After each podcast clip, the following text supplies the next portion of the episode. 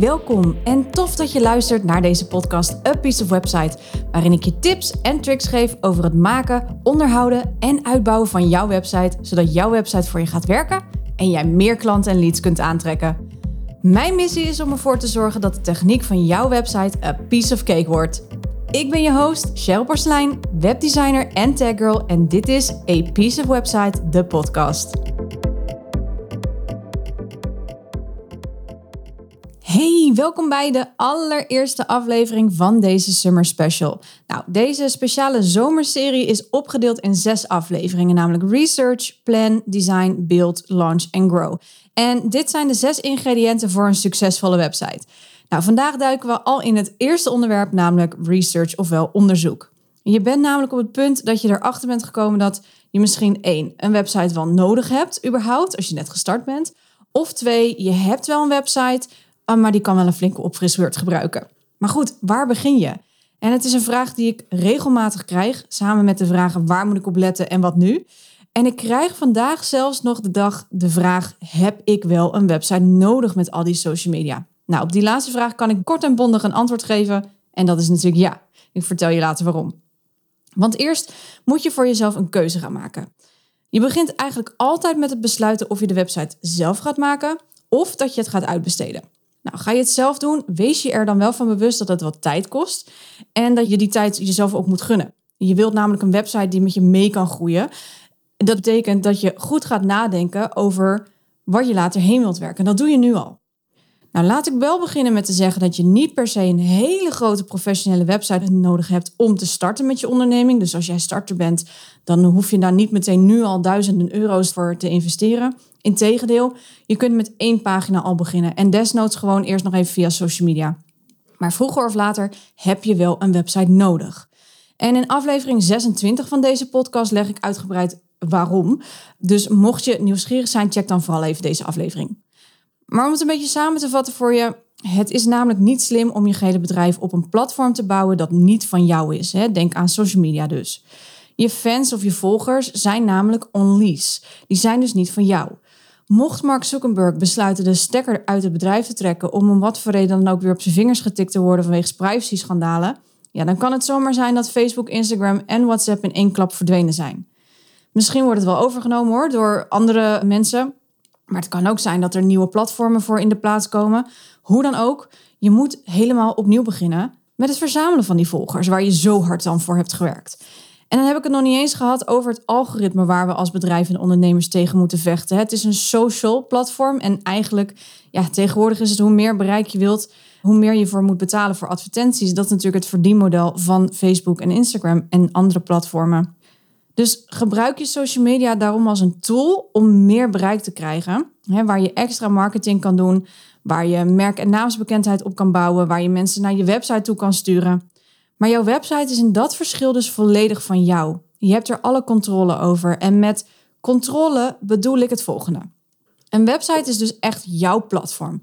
Daar kun je mensen laten betalen. Daar kun je je e-maillijst opbouwen. Ook zoiets wat volledig van jou is. Je kunt je website optimaliseren voor Google. Je kunt er een prachtige academy op zetten die volledig afgesloten is voor de buitenwereld.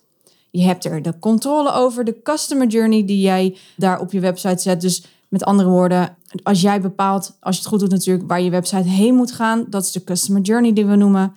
En met je website kun je ontzettend veel automatiseren, zodat jij je kunt blijven focussen op dat waar je goed in bent. Dus neem je website echt serieus.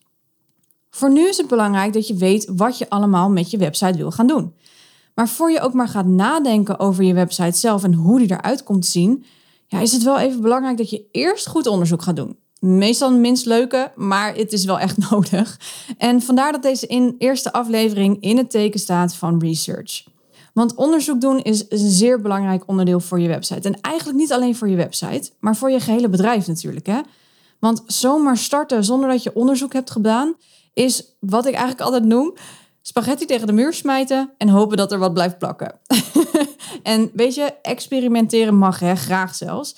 Dat je nu een keuze maakt, betekent namelijk niet dat het in beton ligt. Uh, jij verandert, je bedrijf verandert en je keuzes mogen daar uiteraard in mee veranderen. Maar het is wel fijn om voor jezelf een richting te hebben. Het helpt je namelijk om te bepalen wat je wel en niet leuk vindt, of het klopt wat je doet, of je aanbod matcht en of het natuurlijk goed voelt. Oh ja, en of er markt voor is. is ook niet heel onbelangrijk om dat te onderzoeken. Nou is er overal wel markt voor hoor. Maar je begint voor jezelf een aantal dingen te onderzoeken. En dat zijn de volgende dingen. Ik ga vier dingen met je delen. En de eerste is je niche. Jouw niche is de plek die je in de markt wil innemen. Jij bent ook de enige die deze plek kunt innemen. Um, en het is een plek dat alles wat jouw onderneming uniek maakt. Dat het jou zeg maar, onderscheidt van de competitie. Nou, hierin bepaal je jouw visie, jouw missie, maar ook je unique selling points. Hè? Dus wat maakt jou nou uniek ten opzichte van je competitie?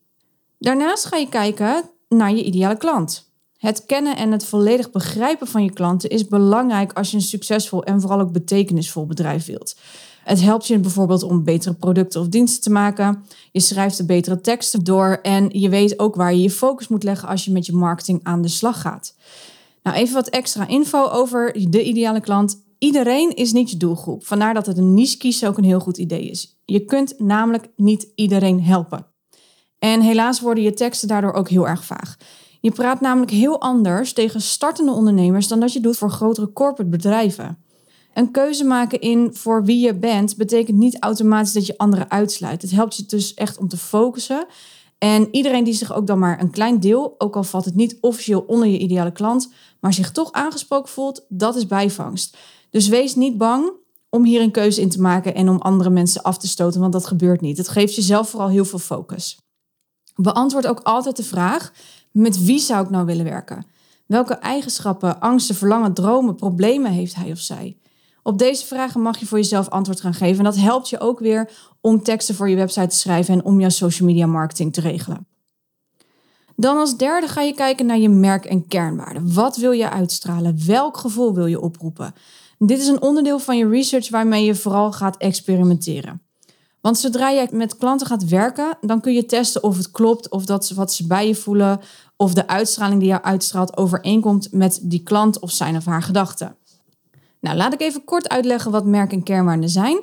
Je merkwaarden zijn de waarden die je extern wil overbrengen. Dus dat is wat je publiek moet voelen, zien of denken als ze met jouw bedrijf in aanraking komen. Dus denk aan vrouwelijk of juist mannelijk, zakelijk of juist heel speels, simpel, etc.